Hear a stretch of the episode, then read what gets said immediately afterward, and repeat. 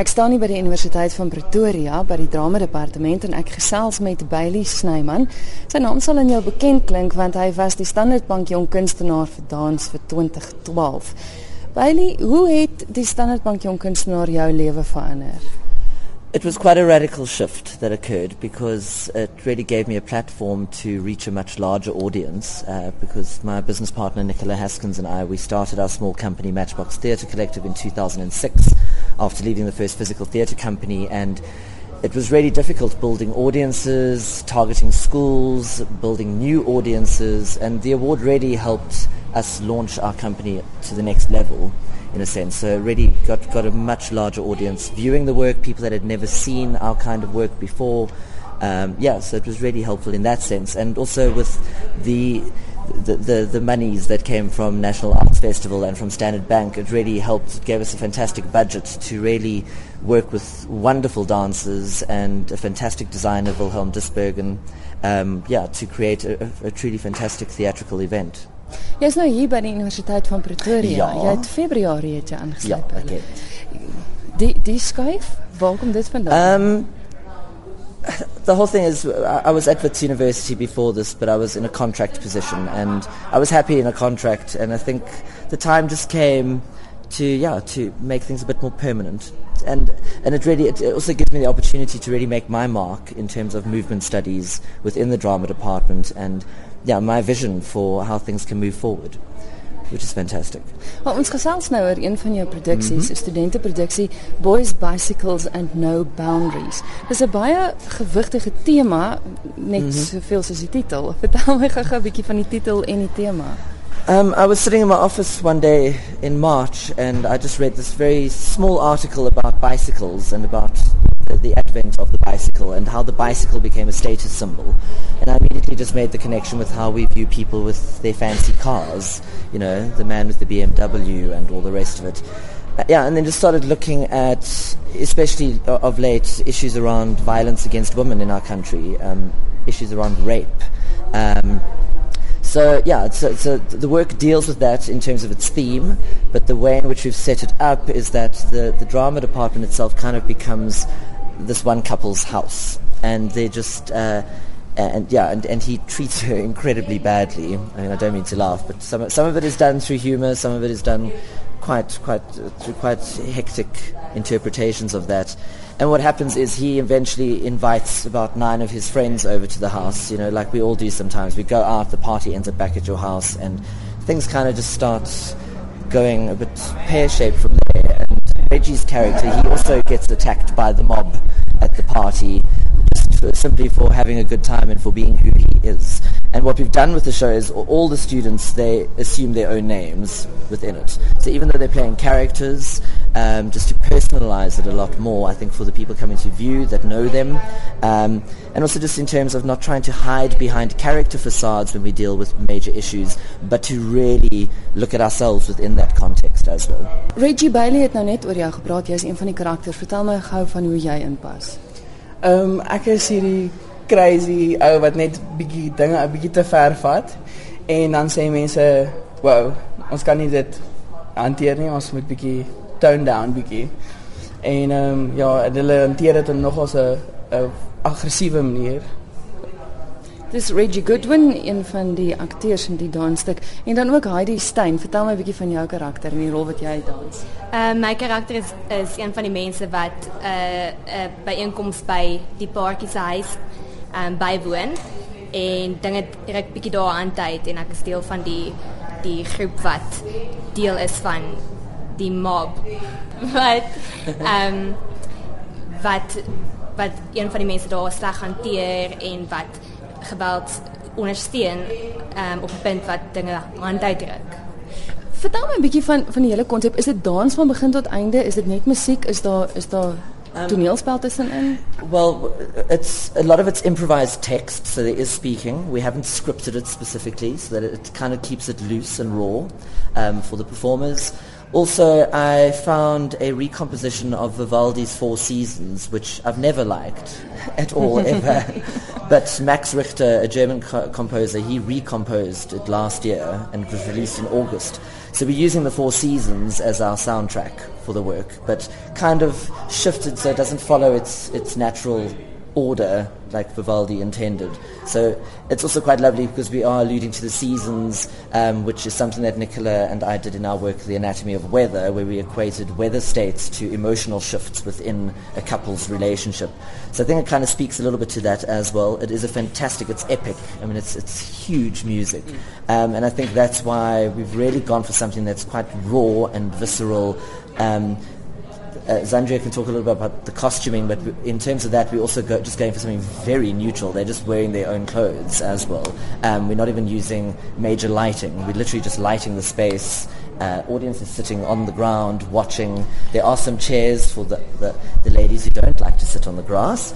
Ja, maar ek wil gou praat Ja. ja. oor die ruimte want ek dink nie luisteraars besef dat dit buite is nie. Ja. Die drama departement is in 'n U-vorm gebou en dit gaan basies in in die binnehof plaasvind. Hoekom die besluit om dit buite te doen?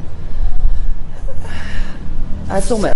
Sommer, ek weet nie. Um, the whole thing is with with all the stuff that's been going on within drama departments. I mean, we won't mention names, but at, at other institutions, in terms, I just think it's really good to kind of let it spill out into the courtyard. And when we've been rehearsing, students that aren't even part of the drama department have been stopping on the road to watch.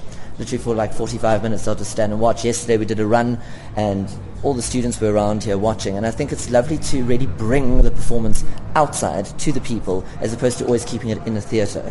And what's nice about it is because it is outside, we can move it around. So even though we have integrated the building quite a lot into this version of it, it's easy to rework into another space. So we can take it out onto campus, um, out into the community. Sandria Labuskaghni eh, doen die ontwerpe. Baie het nou effe daarvan genoem. Vertel my gou hoe is jy betrokke? Is dit net die kostuums of is dit ook deel van die gebou? Dis basies alles. Soos ons ons probeer alles soos bymekaar te dat ek maak seker alles is op plek. Ons moet nou goed organiseer vir volgende week dat alles reg is. Ek gaan nie ingaan in detail nie want dit is soos 'n verrassing vir die audience. Maar dis baie ek wil ook sê oor hoekom dit buite is, is dit skep 'n 'n, um 'n ander atmosfeer selfs vir die die cast. Hulle is nie gewoond aan dit nie en dit is heeltemal iets nuuts. Ja, maar die ding is as mens kyk ook na kunstefeeste, hoe ongelooflik goed die ruimtespesifieke teater daar doen. Mense het 'n behoefte om uit teaters uit te beweeg. Ek dink tog daar's daar's iets anders aan om dit buite te doen. Ja, Ja. Ja. Ek wil gou hê julle wat nou deel is van van die produksie. Dis 'n baie gewigtige tema soos ons nou gesê het. Het dit julle anders laat dink en kyk na die relevante kwessie? Ek dink um, dit het my baie teruggevat na my hoërskool daar waar ek ook al geboelie is in hoërskool en onregverdig hanteer is. En um, ek dink as mense wat nou in hoërskool is of nou deur 'n proses gaan die produksie sien en dan kan hulle dalk beter manier kry om met die onderwerp te deel soos wat hulle nou in hulle omstandighede is. Ek dink as ek die produksie gesien het op hoërskool, sou ek dalk bietjie meer moed gehad het om die mense aan te vat en sê hierdie is nie reg nie. Julle kan my nie so hanteer nie. Ek is 'n mens en ek ek is wie ek is en julle moet dit respekteer en ek respekteer julle vir, vir wie julle is. Omdat dit deel is van ehm um, fisieke teater, verg dit baie van ons as as mense wat deel is daarvan. So dit dit dit laat 'n mens besef hoe emosioneel uitputtend dit moet wees om in so iets vasgevang te wees, omdat ons fisies so baie van onsself gee en dit klaar op sig, op sigself ehm um, uitputtend is, net die uitbeelding daarvan. So ja, in daai mate het dit my laat besef net hoe erg dit werklik moet wees om in so iets vasgevang te wees. En ek dink die mense sal dit ook dalk sien en dat dit fisies uitgebeeld word. En is daar sekere uitdagings aan die feit dat dit buite is, dat dit nie in 'n teater is nie? I- I think that's incredibly difficult. The floor, because it's concrete, so it's not a it's not a sprung wooden floor like we'd normally dance on. And originally, I didn't have any floor work in the piece because I was worried about that. And now we've actually just gone to that very rough, real space. So yes, they're rolling and diving and flying on the concrete as well. They make it look soft, surprisingly. But I think an audience watching that that also adds another element, just the, the, the surprise that they are actually doing what they are doing on concrete, Ja. and not even worried about it. That the environment really is just so informed by, as Heidi was saying, the emotional landscape of it, and what they have to deal with in terms of the choreography of it, which is a lot of. I mean, it's it's a lot of running, a lot of flying, a lot of lifting, a lot of jumping, the kind of stuff I like. Um, yeah, and they get exhausted. They do. We actually physically see them get exhausted. They're sweating, and that's what's so nice. The audience is so close to them that you can see them sweating, you can hear them breathing, you can hear bodies hitting each other. It's yeah, it's, it's quite an exciting thing, I think. Ons gaan 'n bietjie skinder oor Bailey, so terwyl hy by is, maar hoe is dit vir julle om saam met hom te werk as koreograaf? Ek dink dit is baie keer dit was ek net so is. Wow, wat gaan aan? Uh, want Bailey werk in sulke stukke en jy het nie altyd 'n idee waar hierdie stuk gaan inpas nie en jy's net soos maar dis dis vreemd want ek het van Bailey van eerste oomblik van eerste rehearsal het ek net hom vertrou in alles wat ons gedoen het. So ek het net gesê as hy sê spring dan spring ek. Ek en hom, ek weet Bailey sal 'n manier kry dat ek land wat oukei okay is. Ek het net gegaan. En so dis dis nogal interessant om saam met hom te werk. Ja, wel ek sit in met al die rehearsals. So in die begin het ek nie lekker verstaan wat aangaan nie want dit was net stukke, dit was rof. En toe later toe begin dit te link. En toe kom ek agter my jene, dit is eintlik 'n groot statement wat hy maak. Dit verander eintlik iemand se lewe. Ja, dis dis ongelooflik, dis 'n ongelooflike eer en ervaring want ehm um, soos Reggie gesê het, mense weet nie altyd hoe alles mekaar gaan pas nie, maar ons weet ons kan hom vertrou en in 'n mate voel 'n mens of jy iets van jouself ook gee omdat ons stukkies self ook uitwerk en dan sal hy ons help om dit te omskep in iets wat mooi inpas met die totale prentjie, by die totale prentjie. Wel, ek is nou besonder nuuskierig om die stuk te sien. Wanneer is julle te sien? Die produksie vind plaas van die 24ste tot die 27ste April by die Drama Gebou op Atfield Campus. Van die 24ste tot die 26ste sal dit 7:00 die aand begin en die va- 27ste is 'n matinee in die middag 3:00 en dis 'n boekdrive. Vertel my gou daarvan want ek het gehoor dat mense moet 'n boek saambring in plaas van om te betaal. What happened was the one of the other departments on campus they approached one of my colleagues, Dr. Maya Taub, for us to get involved in this book drive. So I came up with the idea that for the Saturday performance on Freedom Day on the 27th of April, then instead of people paying for their tickets, they bring old books along. Uh, it can be academic, it can be general fiction reading. Because what we're going to do on the 18th of July on Mandela Day is take all the books we've collected and go to schools that don't have libraries and set up small libraries at those schools. Um, we've been very fortunate up to this point because I got a donation from one woman um, the other day of 800 books. So yes, and so I'm just hoping that we can actually just get it up to like 2,000 books, so we can actually really make a difference when we go into those schools. Because I think it's also very important that not only does the work speak to major issues, but we're also using it to actually create some kind of community engagement and community involvement as well. Maar die boeke is nou net vir die vir die matinee. Maar ek is seker Jy hulle kan kan maar nie- die aand ook ja. boeke bring.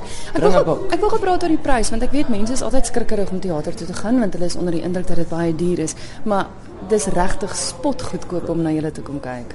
It's 35 rand, 30 rand vir studente en uh, vir vir pensioneers en 25 rand vir blockbookings van 10 of meer.